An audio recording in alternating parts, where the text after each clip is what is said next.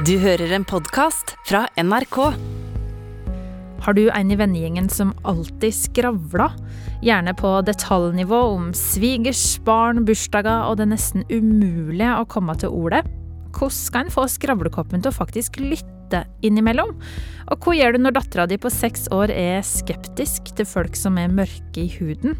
Det som hører på, har sendt inn dilemma fra hverdagen deres til oss, og jeg har med meg tre kloke folk for å gi råd. Jeg heter Kjersti Anderdal Bakken, og det her det er Etikketaten. Nå er alle på plass her på Tyholt i Trondheim. Skuespiller Marianne Meløy, Therese Bjørnås, førsteamanuensis i religion og etikk ved Dronning Mauds minne høgskole, og så er det da Vebjørn Selvik, redaktør i den konservative kristne avisa Dagen. Vi skal bli litt mer kjent med dere før vi går løs på spørsmålsbunken. Eh, Vebjørn, hvordan, eh, hvordan er du på å gi råd?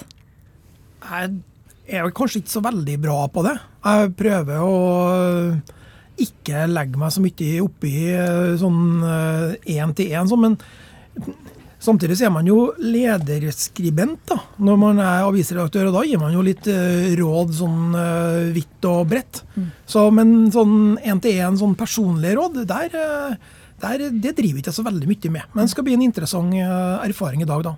Men å mene? Det er du god på? Mener jeg er god på, vet du, ja. men da blir det litt mer sånn ufarlig da, når du kan sitte bak et tastatur og, og mene, vet du, men ansikt til ansikt det er litt røffere. Hvilke egenskaper tror du vi kommer til å se fra det da, når du skal gi råd til folk? Kanskje en uh, mykere side. Okay. Muligens. Vi får se. Spennende. Det gispes fra andre sida av bordet her. Marianne, Ja. eh, hvordan er du på å gi råd? Jeg fikk jo et råd en gang om at alle skulle gi råd, og det er det beste rådet jeg har fått. Med mindre folk spør. Ja. Hva, hva skal jeg ha på meg? Så skal du svare. Men jeg hold, eller hva skal jeg gjøre med livet mitt? Eller hva? Ja. Så ikke alle gir råd. Men nå spør du jo. Ja, så da sant? skal man jo gjøre det. Er du sånn eh, direkte type når du gir råd, eller pakker du det inn, eller? Eh, nei, jeg tror jeg spør ofte spørsmål tilbake. Ja. Hvis, men det er jo ikke så ofte jeg blir spurt om råd. Ne. For jeg er jo, jeg er jo mer sånn redaktør i den ukjente avisen Natten. Du er dagen og jeg er natten. Nei da, jeg mente ikke det. Men jeg er jo litt sånn, litt sånn rotete. Og det er lederartiklene der. Ja, de er mer sånn Ja. Gjør som du vil. Nei da, jeg mente ikke det. Men jeg mener litt òg. Ja. Eh, eh, Therese, eh, hvordan er du på å gi veiledning?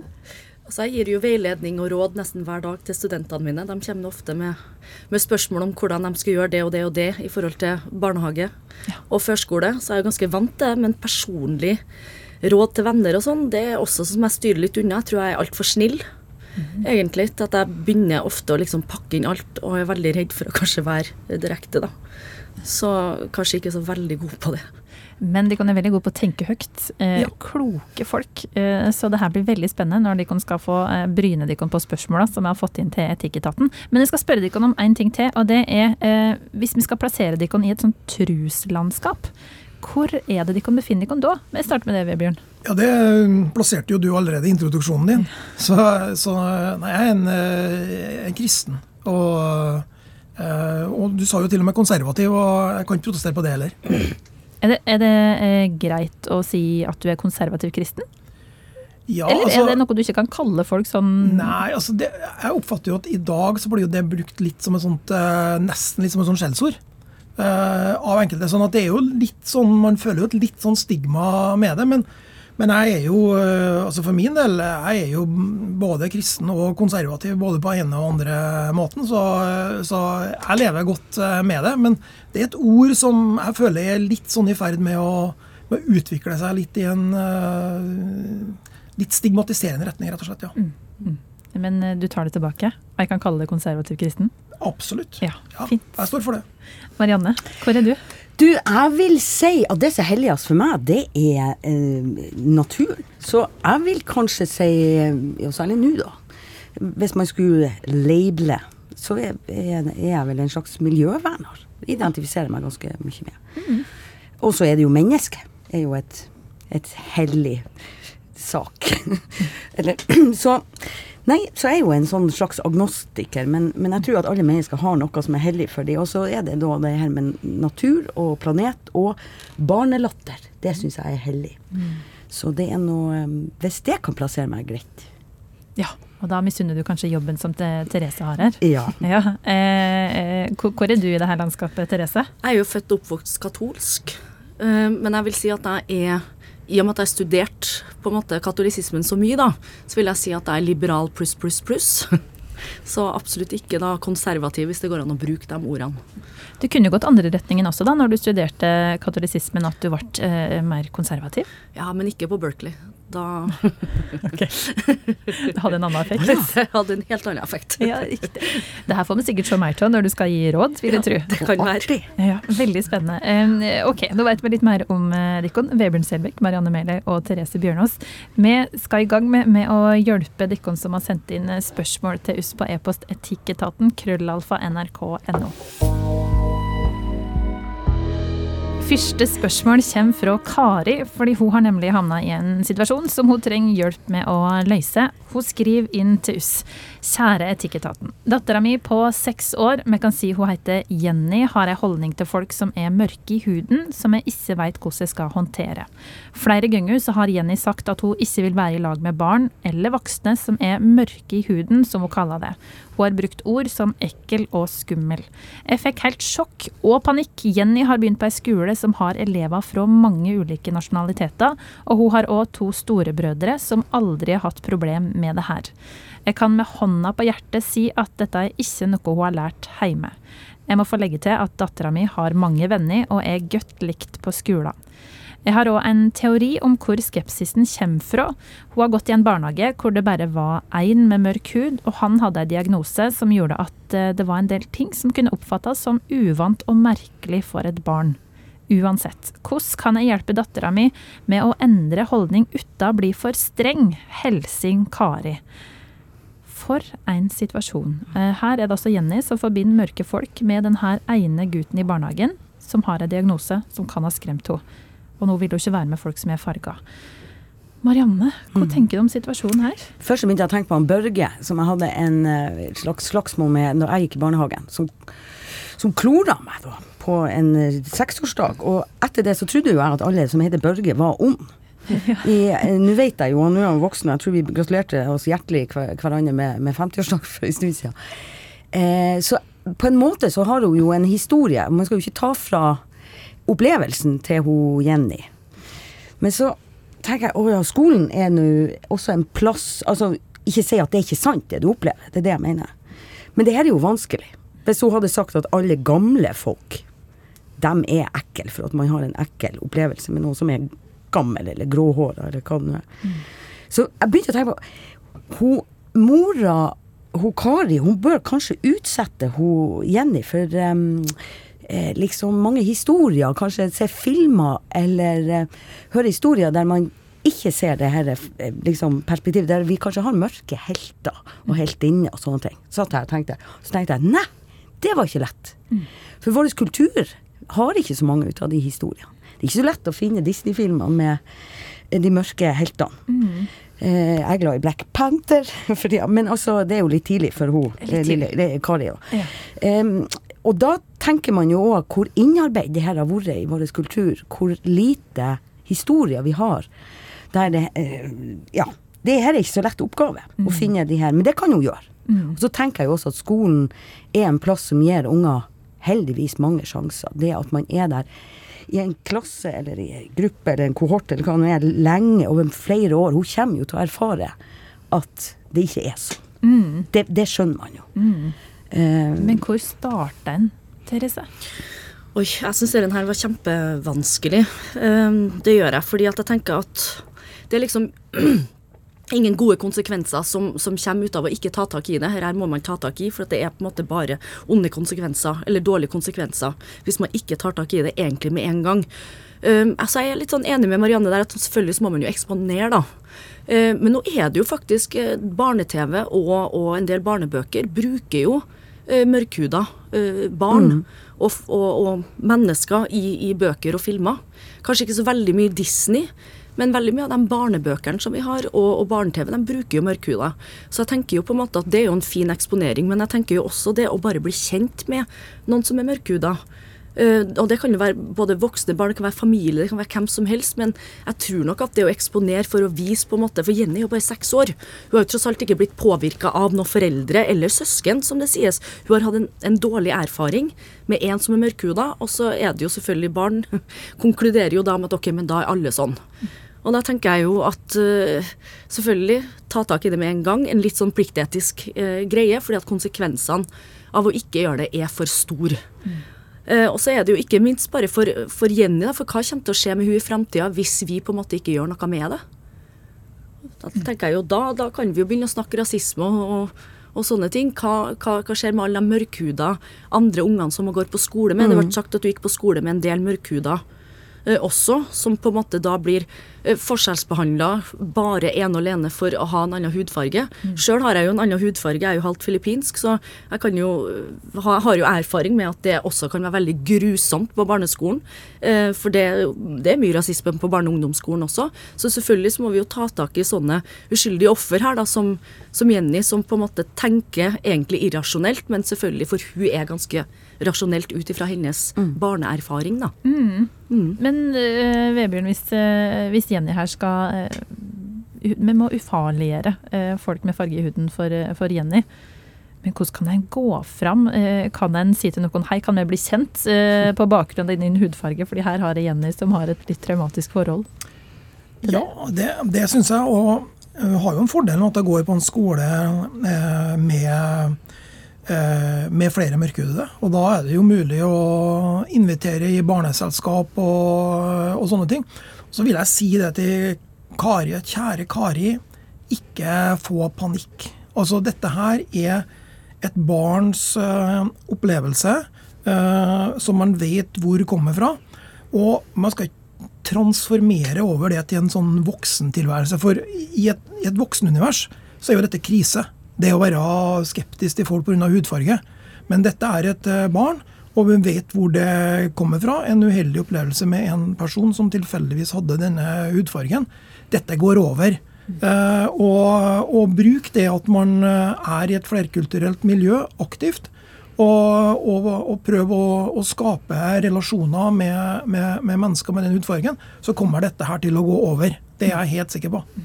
Men Kari ber om råd eh, for at hun ikke skal bli for streng. Og det må jeg også bare si, Kari, at jeg tror også jeg kunne reagert litt sånn panikk, å nei, og nesten kjefta, liksom. fordi at det her kan du ikke si, det her kan du ikke mene. Mm. Eh, og det tenker jeg er helt menneskelig. Er det ikke det, Marianne? Jo. Fordi at det er heldigvis et tabu mm. eh, i vår kultur eh, å være rasist. Mm.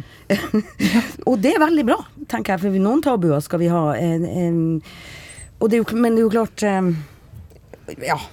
Hun, hun, har jo opplevd dette. Eh, og hun kommer til Jeg er helt enig med deg, Bjørn. Hun kommer til å oppleve at dette er eh, hennes nye skjema om hvordan verden henger i hop. At alle som er mørke i huden, er sånn.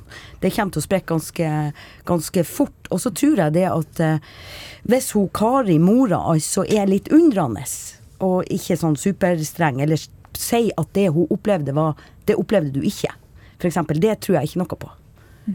Um, for, for, det hun har opplevd, det har hun opplevd, hun Jenny. Mm. Og så kommer hun til å oppleve mye, mye mer. Mm. Som, som, gjør at skjemaet ikke går opp. Og Therese, du jobber jo med små unger. Mm. De er ganske tilpasningsdyktige, er det ikke det? Jo, absolutt. Eh, altså, nå jobber jo ikke jeg med, med små barn, da. Jeg jobber jo med studenter som skal bli barnehage-førskolelærere. Men jeg har jo en datter på tre år, og jeg kjøpte jo nettopp den boka til hun Tinashe Williamson. Og jeg tenkte jo på en måte for at uh, aldersgruppa der er vel fra fra åtte til tolv eller et eller annet sånt der, men at jeg begynte faktisk å lese den boka til min datter Maria på tre år. da Hun ble nettopp tre forrige uke. Og det, det fungerte kjempebra. Nå har jo ikke vi hatt noe av den opplevelsen her akkurat, men det er jo klart på en måte at det er veldig mange som tror at barn ikke ser hudfarge, men forskning viser jo at barn helt ned i ettårsalderen ser jo hudfarge. Når folk liksom sier at barn er fargeblind, nei, det er de jo ikke. Men det på en måte det å eh, tilføre egenskaper til en hudfarge, det er det jo noe som er tillært. Mm. Og hun har jo på en måte fått den erfaringa her. Så jeg, jeg, tenker jo også litt sånn her, litt så, så, som blitt sagt nå, da, at selvfølgelig ikke få panikk. Det er jo ikke noe galt som verken Jenny eller Kari eller noen har gjort. Men at uh, vær proaktiv med å lese f.eks. sånne bøker som Tinashe Williamson som heter anti, Antirasisme, eller nå husker jeg jo selvfølgelig ikke hva den boka heter. Men, men uansett en kjempegod bok som forteller litt om sånne her hendelser. Ekte erfaringer og hendelser, og hvordan skal man gjøre noe med det. Så, så fint det du sa det, at det kom en så mye. For det, det var en blindflekk for meg at selvfølgelig NRK Super, som ikke jeg ser så mye på nå, det er jo det er jo, de lykkes jo med det her. Ja, absolutt. Um, og der, der ser man et eh, fint arbeid til NRK. altså den, eh, hvor viktig det, det der er. Mm, ja. Eh, eh, men Vebjørn, eh, det kan jo hende at nå mor Kari sitter med en følelse av at enn om dattera mi har vist eh, rasistiske trekk i skolegården, skal hun ta kontakt med skolen og eh, rydde opp, unnskylde? Ja, altså jeg tenker jo at det, dette, når det, når det høres ut som det er såpass traumatisk eh, for henne, at det har eh, hatt stor betydning for jenta, så føler jeg at eh, det er viktig å snakke med, med skolen om det, med lærere om det, og at de kan være obs på situasjonen. Og kanskje de også kan bidra positivt i å spleise hun med litt eh, folk med, med annen hudfarge, og, og ufarliggjøre det også i skolesituasjonen. Så jeg tror at skolen nå har en veldig stor eh, rolle der, for det er jo der man, man møter ulike mennesker med ulike bakgrunner. Så det vil jeg helt eh, klart oppfordre Kari til å gjøre. Og diagnoser. For det var jo det vi beit Altså unger med forskjellige man, hun, eh, Jenny hun har bedt seg fast i hudfarger, og ikke diagnosen til den her forulemperen. Så kanskje man skal snakke litt om diagnoser òg. At eh, vi er jo mange ting. Eh, så hvor, eh, hvor starter Kari nå? Du kan annet eh, gå og kjøpe boka til Tinashe Wilhelmsson. Nå fikk den eh, god reklame her. Ja, du kan se på NRK Super. Se på NRK igjen. Super. Ikke sant? Det har skjedd ting i barne-TV-verden de siste 10-20 åra. Eh, ufarliggjør det her. Og så var det veldig godt råd på slutten her. Eh, snakk om diagnoser, for det er jo det som egentlig er assosiasjonen hennes. Eh, snakk om hva det var som, som skjedde i barnehagen. Og eh, så går det seg til. Barn er heldigvis veldig endringsvillig.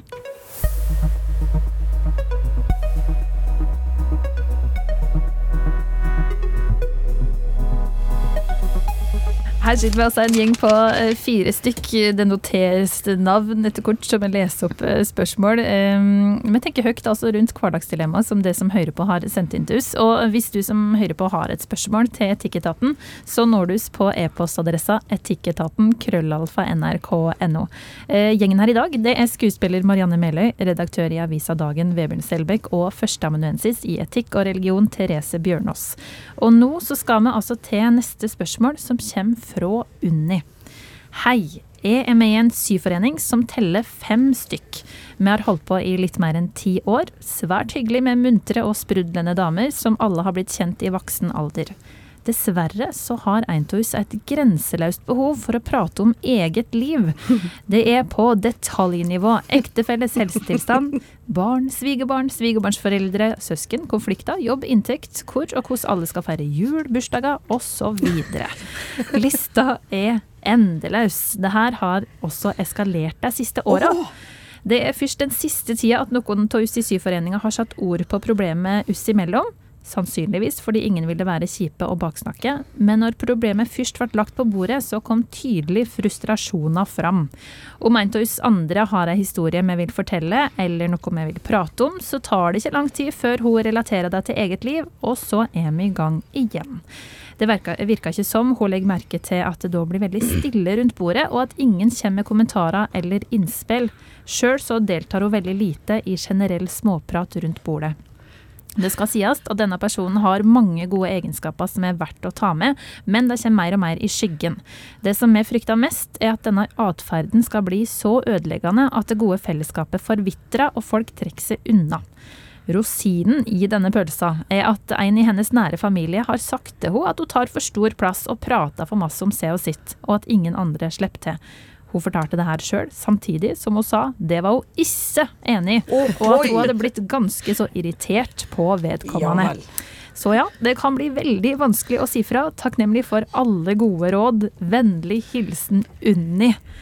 Her er det så mange lag. Eh, eh, Vebjørn, kjenner du noen sånne folk som under skildrer her? Ja, altså Tro det eller ei, men dette kan jeg identifisere meg veldig godt med. Ikke fordi jeg har noe um, erfaring fra syklubb, det, det er jeg dårlig med. Men jeg tror faktisk at jeg er litt sånn sjøl. Jeg skulle også til å si det. Ja. Jeg tror at jeg har litt det problemet sjøl, altså personlig. At jeg snakker altfor mye om meg sjøl. Ja. Og, og tar altfor mye plass og de tingene der. Og det, det, som har, det, det, det rådet jeg kan gi, da, det er eh, fra min egen situasjon at det var veldig godt å få eh, noen som sa fra om det. Og det, jeg er jo så heldig, og jeg har vært godt gift i 33 år. Sånn at eh, kona mi har sagt ifra til meg om det. Du tar for mye plass, du snakker for mye om deg sjøl. La andre delta i samtalen, ikke pens det over på det du er interessert i og ditt eget liv hele tida. Og det, det syns jeg var et veldig godt råd. For altså, jeg tror de fleste ønsker å eh, å gi andre plass. Jeg tror, tror, jeg tror ikke at det her er I hvert fall håper ikke at det var sånn for min egen del.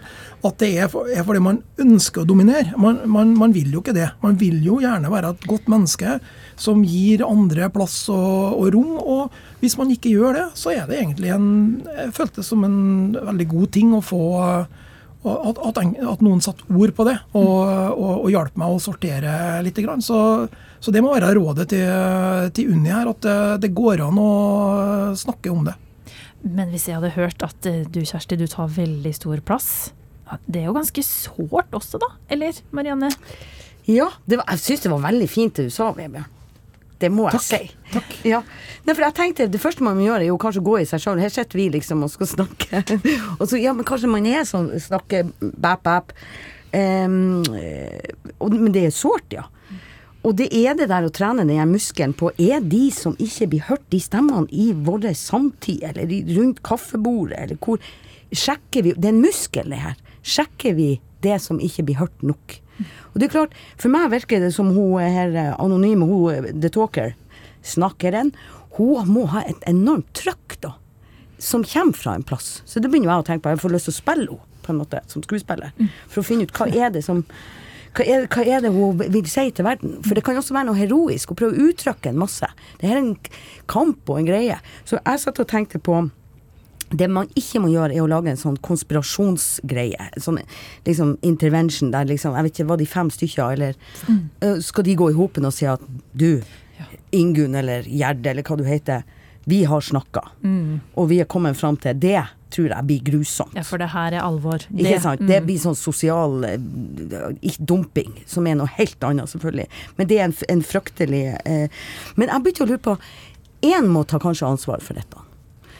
Eh, og, og være ganske ærlig om det. Men, og så si at jeg har behov for at vi gjør denne syforeninga litt annerledes denne gangen, f.eks. Så jeg også tenkt på om man skulle ha en sånn talking stick. Altså sånn, eh, sånn som de har i Native eh, Americans. Jeg vet ikke så mye om det, men vi er jo i drama og teater og sånn, så er vi jo veldig gode til det der, å sjekke, og at alle får snakke, eller at eksempel vi, vi har sånne runder, det, det her, så derfor er jeg, jeg er veldig trent på det. Vi sitter iblant i en ring, og så skal jeg si til deg, Kjersti, eh, kritikk til deg. Og så skal ikke du få kommentere det. Og, så, og det er grusomt. Og hvis du ikke mm, Gud, ja, men det var ikke det jeg mente. Det du gjorde i dag. Og hvis vi gjorde denne runden nå, så dere vil jo kjenne at, at man på en måte får At det sprenges i hodet. Ja. Men samtidig, man blir jo sett når man får kritikk. Så det verste er jo ikke å få høre noe. At du er ingen, liksom, i det. Sånn at her ble det veldig mye babbel eh, fra meg, sånn at jeg har lyst til å spille hun der eh, eh, snakkeren. Jeg lurer på om noen skal innføre en talking stick. Ikke spill hun snakkeren akkurat nå, for da er det ingen andre som slipper Jeg prøvde å gjøre det. Det var liksom sånn metahumor, det her. At jeg skulle bare snakke og snakke og snakke. Det er sånn det oppleves. Therese, hadde du turt å si til den her eh, skravlekoppen at du, du skravler for masse? Ja, men jeg tenker også som Marianne at man trenger på en måte kanskje ikke å være De var fem stykker. Være fire stykker som har en sånn type intervention. Nå har jeg jo allerede noen Vi har jo tatt opp at det er noen som har fortalt av det fra før. Altså kanskje ta opp tråden der, da. Ja. Og liksom si at ok, men du, jeg tror det kanskje er noe sannhet i det den personen har sagt til deg. Samtidig så tenker jeg også litt sånn videre på folk som alltid babler, babler, babler. Og jeg er kanskje en av dem, jeg også, for jeg liker å snakke veldig mye. Samtidig som jeg også tenker at når jeg babler altfor mye, så handler det liksom da litt sånn intensjonen min at oi, her var det litt mye pinlig stillhet. Ja. Her, her er det jo ingen andre som tar opp noe. At jeg kan bli litt stressa av det. Og da kan jeg på en måte bare begynne å bable om alt mulig rart. Men det er kanskje forskjell på babbel, da. fordi at sånn som hører her, som bare babler om sine unger og sviger og bla, bla, bla. Det er, liksom, det, det er forskjell på det og på en måte snakk hvor man inviterer andre inn til noe. F.eks. at jeg har en problemstilling om noe, eller det er noe politisk, eller et eller annet sånn. Da inviterer jeg jo folk inn til en diskusjon. Jeg føler at det blir litt annet enn å bare sitte på inn- og utpust og snakke om mine barn og venner og foreldre og klær som jeg har kjøpt meg, og osv. Så, så, så, så jeg tenker litt sånn intensjonen til hun, hun, hun bableren her også. Hva, hva er det? Er det ja. Og det kan jo hende at denne syklubben har tenkt at uh, hun er en person som tar masse plass, og nå har de kapitulert litt. Ja. Da gir de også masse plass, fordi at denne her slipper nå ikke med til allikevel. Etisk sett så kan vi jo også tenke, er denne syklubben, det de snakker om, er denne gjengen Er det et godt ytringsklima der? Hva som gjør at ikke de andre deltar, eller hvorfor stiller man mer, ikke nok spørsmål i den gjengen? Sånn at det er kanskje to ting der. Ja, det, det tror jeg òg. Det, og det, mm, jeg tror jo snakkeren kan få et mye mer eh, interessant liv òg. Hvis at hun slutter å snakke sjøl, og heller begynner å stille, å stille noen spørsmål. Uh? Og, og, og få, få ta del i andres erfaringer og andres uh, liv og sånne ting. Og det er jo det er jo faktisk bonusen da, med å eh, klappe igjen brødsaksa sjøl og bruke ørene i stedet for munnen. Vi har jo to ører og én munn, så det er jo et eh, lite hint der. Ja. Eh, eh, nestekjærlighet er vel et eh, begrep som du eh, sikkert er tett knytta til. Eh, du tenker at nestekjærlighet er å si fra. Det er eh, en god ting eh, Unni da gjør, Ja, jeg, jeg, jeg, tror, jeg tror det gjør vedkommende en tjeneste, men det må gjøres med litt sånn finesse, altså. Som, eh, som både Marianne og Therese har vært inne på. Og veldig viktig at ikke det blir liksom fire mot én eller fem mot én, eller hva det var i den gruppa. Men at uh, må ta opp dette på tomannshånd, og, og egentlig ta det opp ganske raskt. For det ser ut som det holder på liksom å eskalere litt, og at man alle liksom er enige om dette her nå. Og da tror jeg at uh, skal man klare å beholde det gode syfellesskapet, så, uh, så må det tas opp nå. Ellers så er det fare på ferde om kort tid. Jeg har tatt opp et sånt her problem virkelig utafinesse. Eh, fordi eh, i radiosammenheng så er det ganske mange skravlekopper. Eh, og da eh, snakka jeg Jeg fortalte en historie som var litt sånn nær å fortelle. Litt, eh, litt øm. Og så kommer det da ei inn fra venstre. Og det har jeg også opplevd. Og så er vi i gang. Og så sier jeg vent litt. Og så fortsatte jeg. Og da ser jeg liksom fornærma blikk fra denne personen, for det kom litt brått. Men kanskje også sånn derre hint også kan være med å regulere litt. Er det tror du lov, det, har så rett. Absolutt. Og det kan man godt gjøre uten å, å være streng. Ja. Bare vent litt. Ja. Ja, bare vent litt. Altså, man kan gå, det er litt grann intensjon i det. Og man tenker ikke sånn Nå snakker jeg. Men altså du, Bare vent litt. Eller, det syns jeg var bra eksempel. Godt råd. Eller så tenkte jeg på eh, Kvinnfolksamtaler er jo i eh, tusenvis av år blitt nedvurdert. Eh, snakk om svigermor eller gardina eller hva det nå var. Jeg, jeg er ikke helt sikker på det heller engang. Det, for det kan virke som at hun får kritikk, også hun bableren, for at hun snakker om kjedelige ting. Um, og hvorfor blir det kjedelig, det hun snakker om? For i utgangspunktet trenger ikke det der være kjedelig å snakke om hus og hjem eller unger. Unger er jo ikke, snakk om, er jo ikke kjedelig å snakke om. Det, hun snakker jo kanskje om viktige ting. Så nå kanskje jeg er litt sånn eh, forsvarer henne på en eller annen måte. Jeg syns at brevskriveren også skal gå inn på hvorfor Hva er det de skal snakke om, da? Eller er det noe Hvorfor syns hun det her er kjedelig, eller er problemet det at det du fortalte nå med at eh, Ja, det har jeg også opplevd. Og har opplevd noe mer enn deg. Altså det man kaller topping. Ja. Er det det som er problemet, eller er det temaet, eller at hun ikke lar de andre snakke? Jeg tror hun rydder litt opp i det òg. Analysere litt i hva det er som skjer. Ja, for de virker veldig sikre på eh, hva som er problemet. Og man skal alltid spørre meg, spør, spør meg, spør seg sjøl er det meg nå, eller er det bygda. Ja. Er det hun nå, eller er det syklubben? For eh, hvis man bare sier at det problemet er hun der bableren som tenker med kjeften, det kan godt hende at det er bare det. Eh, men det kan godt hende at den syklubben skulle ha dratt på en reise eller lært noe nytt, fått en ny person inn, kanskje en mann. Eh, som fornya seg på, på en eller annen måte. For det kan også for meg høres ut som de har gått seg litt fast. Vil du melde det, Vebjørn? Til å bli med i syklubben og rydde opp litt? Jeg kan bli med og snakke, ja. Men, eh, men syinga, det tror jeg er litt verre med. Altså. Eh, Unni, du skrev også Idus, du var veldig frustrert over denne sjølopptatte skravlekoppen. Uh, og det er som du skjønner uh, flere av deg, til og med her i studio, som har sjølinnsikt. Og det kan vi håpe at den her også, dama i syklubben også har. Du kan jo da enten velge å si det med litt finesse. Da må du ta ansvar sjøl, sånn at det ikke blir fire mot én og en intervention. Det kan bli ganske røft for den her skravlekoppen. Eh, eller du kan gjøre det uten finesse og bare si eh, Vent, vent litt. Og så har du her snakkepinnen da, som du også kan, kan ta tak i og bruke, som jeg synes var et godt eh, forslag her fra Marianne. Og så analysere litt, da. Hva er det som egentlig irriterer det sånn? Vi skal ta og lukke postkassa vår litt, fordi vi skal vende oss mot den her hellige gralen. Det er altså fortsatt noe ganske lite ærverdige greier. En porselensskål med lapper som dere skal få lov til å bryne dere på. Eh, Det er da et spørsmål til kor. Eh, De som sitter her i studio nå, det er altså redaktør Vebjørn Selbekk, skuespiller Marianne Meløy og førsteamanuensis i etikk og religion Therese Bjørnås. Jeg starter her borte med Marianne. Vil du Det- trekke en lapp? Veldig gjerne. Og nå får jeg sånn eh, åresalgassosiasjon. Altså, det er herlig. Det er litt sånn. vunnet! Et par selbuvotter. Ja. Og en ha- en pose kaffe. Oi, hvilken låt betyr ekstra mye for deg? Ja.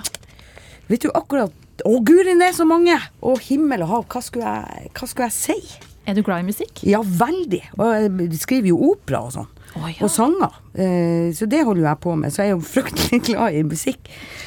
Nei, det må jo være frigjøringssang.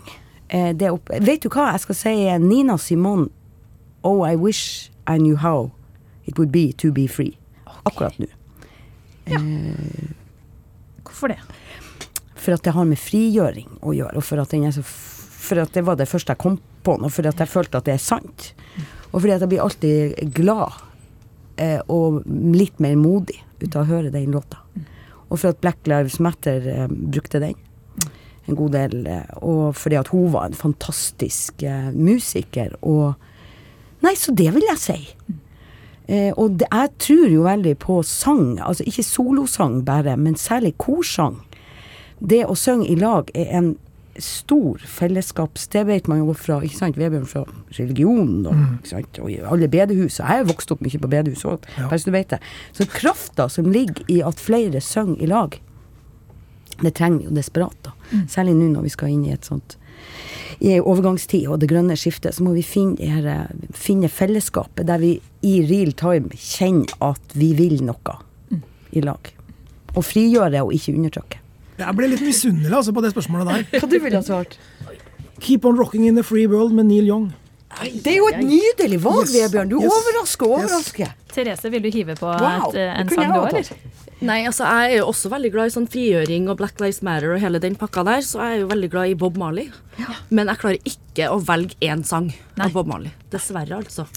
Bare si alle sangene. Alle, Ja. alle sangene. Ja. Nå har du fått et spørsmål. Tror du på et liv etter døden? Oi, oi, oi, som katolikk så må jeg nesten bare si ja. Men eh, Jeg vet ikke helt om jeg tror på det, men eh, jeg har lyst til å si at jeg håper at det er det. Ja. Ja, Det blir på en måte en, det, det er en litt forskjell der. Hva ser du for deg at skjer da? Eh, Hva jeg ser for meg kommer til å skje? Nei, altså nå var jeg jo på mandagen og snakka om sjel her, da. Så, så jeg vil jo tro da at noe går videre. Altså om ikke kroppen, så kanskje sjela går videre og, og blir en enhet med Gud eller eh, et eller annet sånn. Jeg bare håper at det er noe mer, i hvert fall. For jeg syns livet her er så fantastisk. Jeg tenker liksom åh, man vil jo ikke at det skal ta slutt. Så hvis det er enda bedre opp der, eller hvor det nå er, så, så, så håper jeg jo det. Men om jeg tror det ordentlig, det vet jeg ikke. Men jeg håper det. Tror du det er ordentlig, Vebjørn? Ja, jeg gjør det, vet du. Ja. Jeg, jeg, jeg ble veldig misunnelig på det spørsmålet. Altså. Det var jo så, nå så Nå går det å toppe det med spørsmålet. Men eh, nei, men jeg, jeg tror på det, altså. Tror på et liv etter døden. Tror på et evig liv. Ja, det gjør jeg. Og hvor skjer? Det er jo veldig Det, det tror jeg er litt sånn vanskelig for uh, menneskelige forstand å, å, begripe. Altså de tingene som har med evighet og, og, og, tilvær, og tilværelsen etter døden sånn, det er veldig vanskelig å fatte. Men, uh, men jeg, jeg, tror jo, jeg, tror jo, på det kristne budskapet. At, uh, at det, det, gir det gir retningen på det som kommer til å, å skje. Og så, og så tror ikke jeg at som sagt at ikke, Jeg tror det er veldig vanskelig å klare å, å forstå dybden i den, i den, tilværelsen som kommer til å være etterpå, men at det er, at det er en fantastisk eh, tilværelse, Eh, det tror jeg. Mhm. Mm. Jeg kan nesten ikke la Marianne være utafor heller. Eh. vi er karbon, og for å si det med Johnny Mitchell, vi er Stardust. Ja. Ja, så får bare svare det. Okay. Eller så blir vi en liten molteblomst, litt sånn lokalt. Det, kanskje det være fint? jo. jo. Eh, OK, Vebjørn. Da får vi se, da. Om ja, du er heldig. Nå, nå spørs det. Nå er jeg veldig spent. ja, nå spørs det, altså. Skal vi se.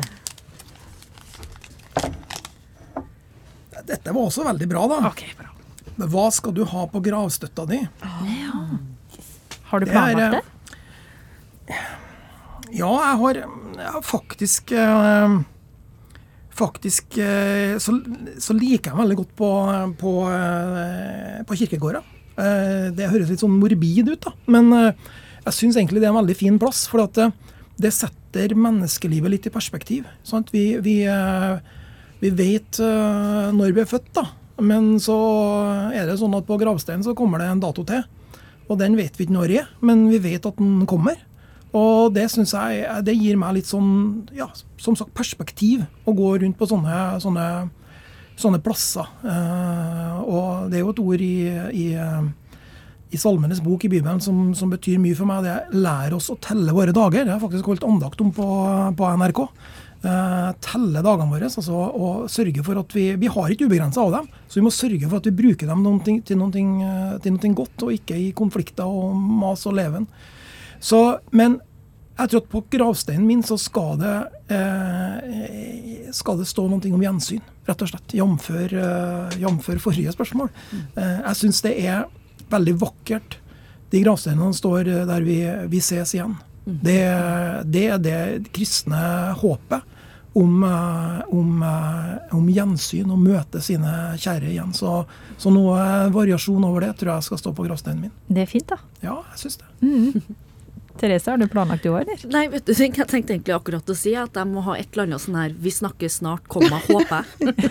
vi snakkes! Ja, vi snakkes. Men også et komma med 'håper jeg', da. Ikke sant? Et, et eller annet sånn. Ser du sånn, ser for meg sånn bilde med sånn liten sånn hånd i panna, sånn 'yes, yes vi snakkes'.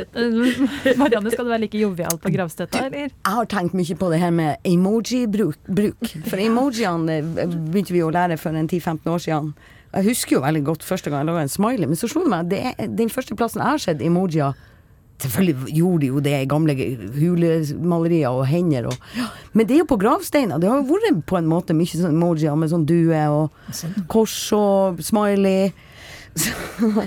Men jeg har egentlig kanskje lyst til å være i en sånn felles Nå kommer jo jeg fra ei øy som har ei ekstra lita øy, så det er et sånn egentlig lite dødsrike som, som er så Altså den vakreste kirkegården. Men egentlig kunne jeg tenkt meg å ligge i en slags allmenning. Som er navnløs. Jeg syns til og med innimellom at det er denne haugsettinga vi holder på med, med monumentum og sjøl Jeg vet ikke. Jeg kan godt hende at jeg bare har lyst til å forsvinne. Ja. Og at det er greit. Og det ligger også en slags snakkes i. Mm. Uh, så, men det var et artig spørsmål. Så det ja, veldig fint spørsmål. Ja.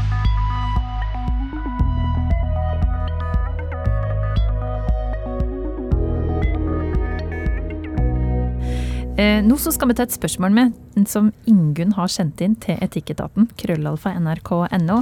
Og det her det er altså et dilemma med stor D. Hun skriver 'Hei, det i Etikketaten'. Og i dag så er det altså Therese Bjørnås, ekspert på etikk og religion. Du, Therese, er du bokser også? Ja, eller jeg har vært uh, bokser. Nå er jeg boksetrener. Det er så kult! og så er det skuespiller Marianne Meløy som er Har du boksa? Jeg har drevet med noen slags kampsport. Så jeg har jo slåss. Både fysisk og psykisk. Ja, Så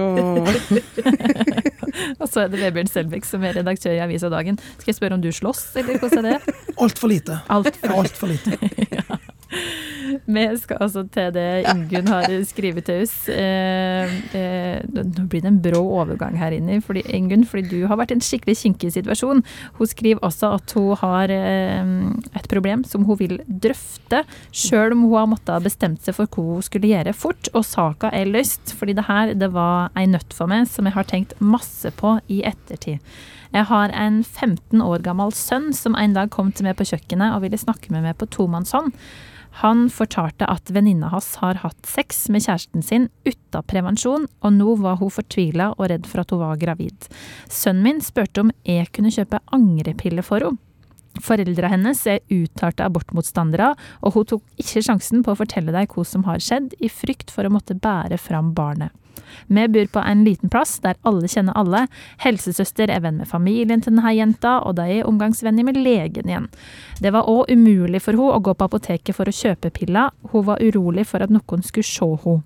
Så denne 15 år gamle jenta ville altså at jeg skulle kjøpe angrepiller for henne. Hva ville det gjort? Helsing Ingunn.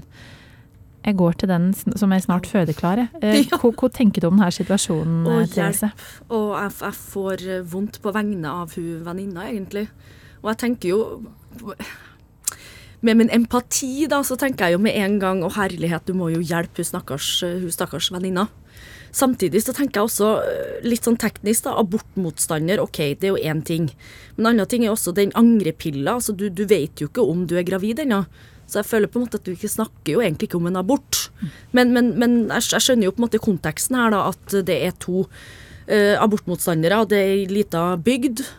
Og så er jo hun Altså, er hun også 15 år gammel, da, Ja. som, som sønnen. Da får du vel strengt tatt ikke kjøpt angrepille heller, for det er vel 18-årsgrense? Det er jeg, eh, ikke aldersgrense hvis du kjøper på apotek. OK, akkurat. Akkurat. Ja. Jeg, jeg tenker jo at Ingunn her, da, som er mor, ikke sant, til han 15 år gamle sønnen som kommer med det problemet. Jeg tror nok eh, at jeg ikke ville ha kjøpt den angrepillen fordi at jeg har vært Jeg må tenke etisk sjøl, da. Jeg har jo ikke lyst til å gå bak ryggen til de foreldrene. eh, som er abortmotstandere her. Det, det kommer til å være veldig viktig for meg. fordi at eh, pliktetisk så er det jo sånn at det er jo foreldrene som bestemmer over sin egen egen datter her, da, i, i, i denne sammenhengen. Så, så da må man med en gang tenke litt sånn eh, konsekvenser.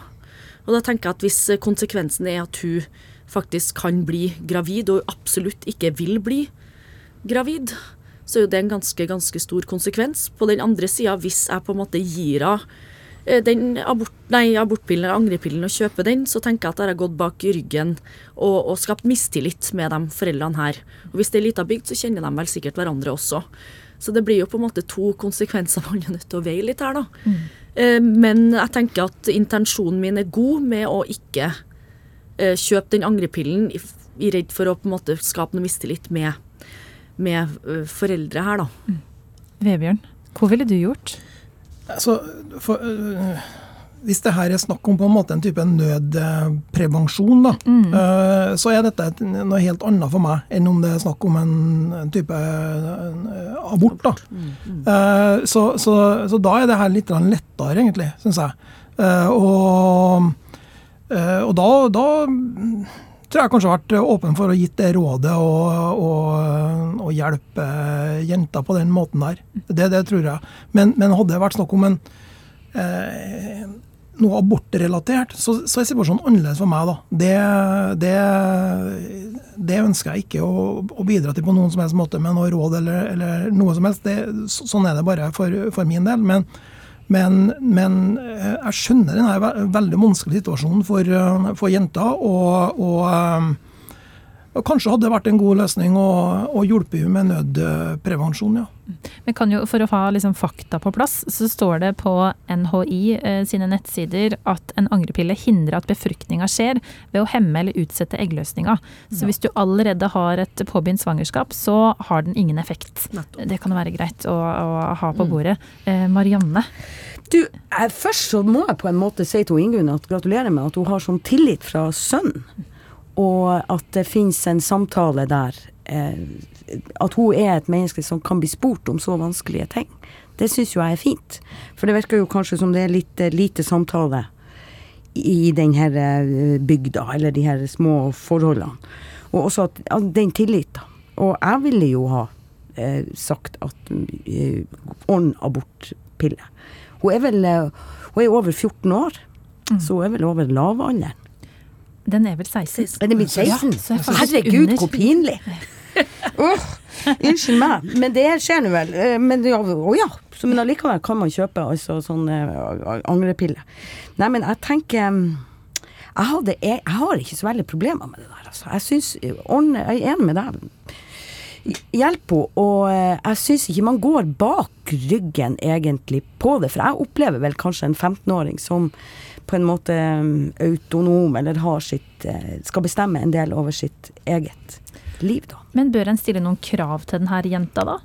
Sånn at det ikke bare blir sånn å ja, men eh, jeg bare stikker til Ingunn, jeg får en angrepille, og så fortsetter jeg å leve livet. Eh, ja, jeg håper hun fortsetter å leve livet. Eh, For livet må jo leves. Eh, Og eh, det, det Altså, jeg klarer ikke å være så veldig moralistisk på dette. Og jeg syns jo det er liksom forstokka at de ikke kan eh, samtale, at hun ikke har noen andre å spørre.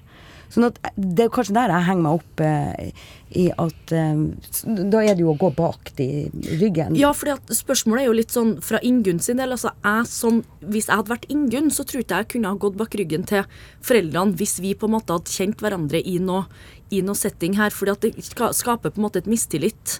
Også fordi at de er abortmotstandere. Men så blir jo litt som jeg sagt her, da, at dere her er jo ikke en abort heller, da, egentlig. Nei, Teknisk sett så, så er det jo ikke det. Men selvfølgelig så vil jeg jo oppfordra Uh, hun, hun venninna som har hatt sex til å fære og kjøpe deg en angrepille. Eller kanskje jeg kunne ha vært med, men jeg tror ikke at jeg hadde kommet til å vært den mora som hadde gått og kjøpt den for henne.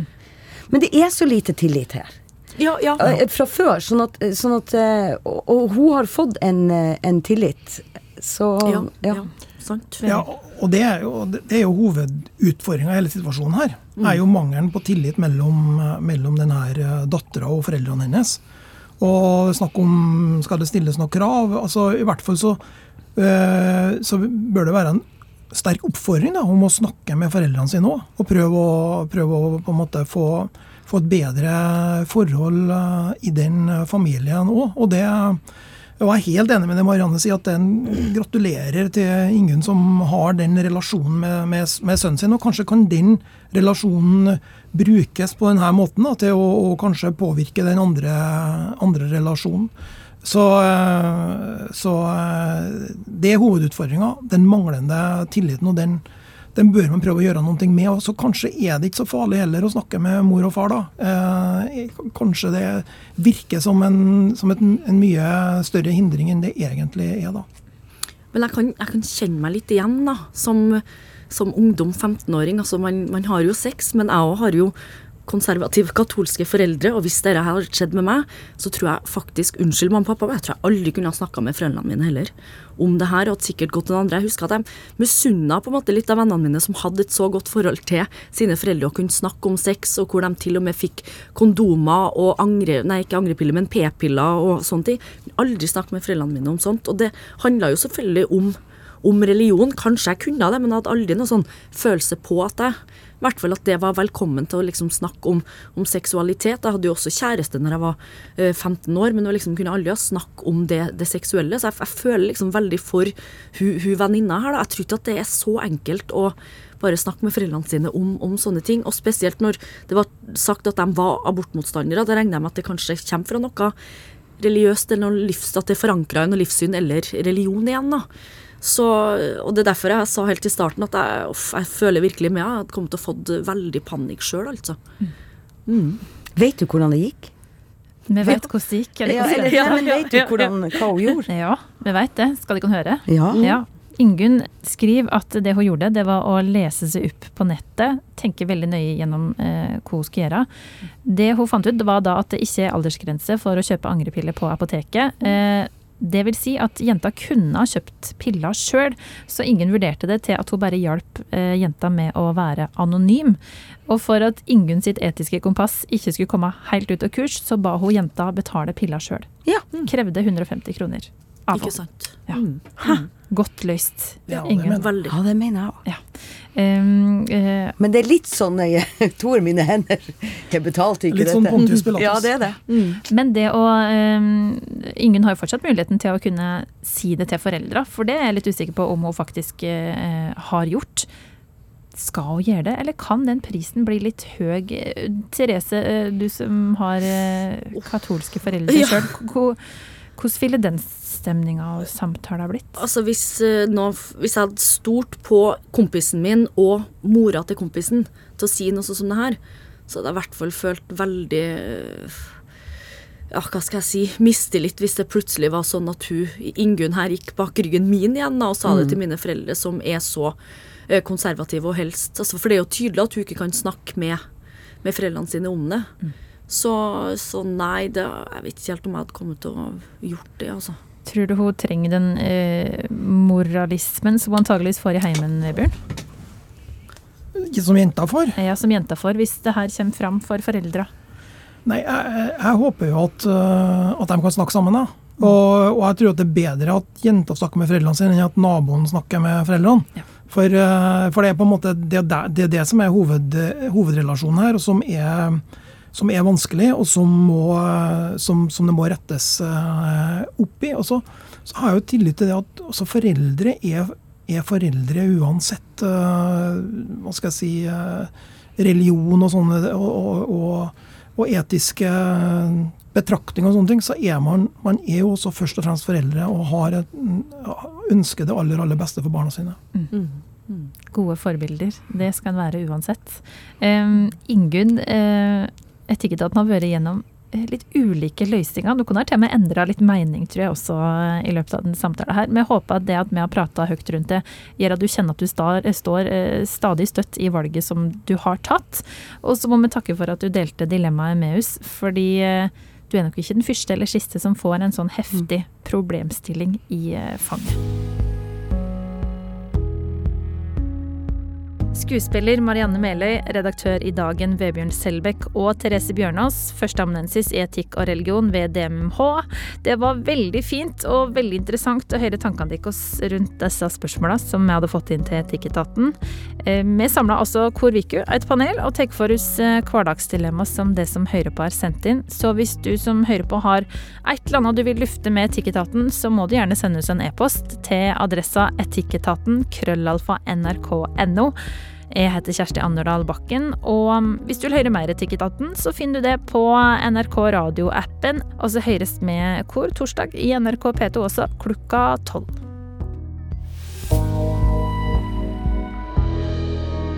Du har hørt en podkast fra NRK. De nyeste episodene hører du først i appen NRK Radio. En podkast fra NRK. Savner du at noen gir deg en rask og tydelig forklaring av nyhetene? Da må du høre på oss. I podkasten Nyhetsblanding så får du oversikt over det viktigste nyhetsbildet akkurat nå. Og har du noen spørsmål som du lurer på, så send det inn til oss. Nyhetsblanding med meg, Ole Klevan. Rima Iraki. Og Fanny Odden. Podkasten Nyhetsblanding hører du først i appen NRK Radio.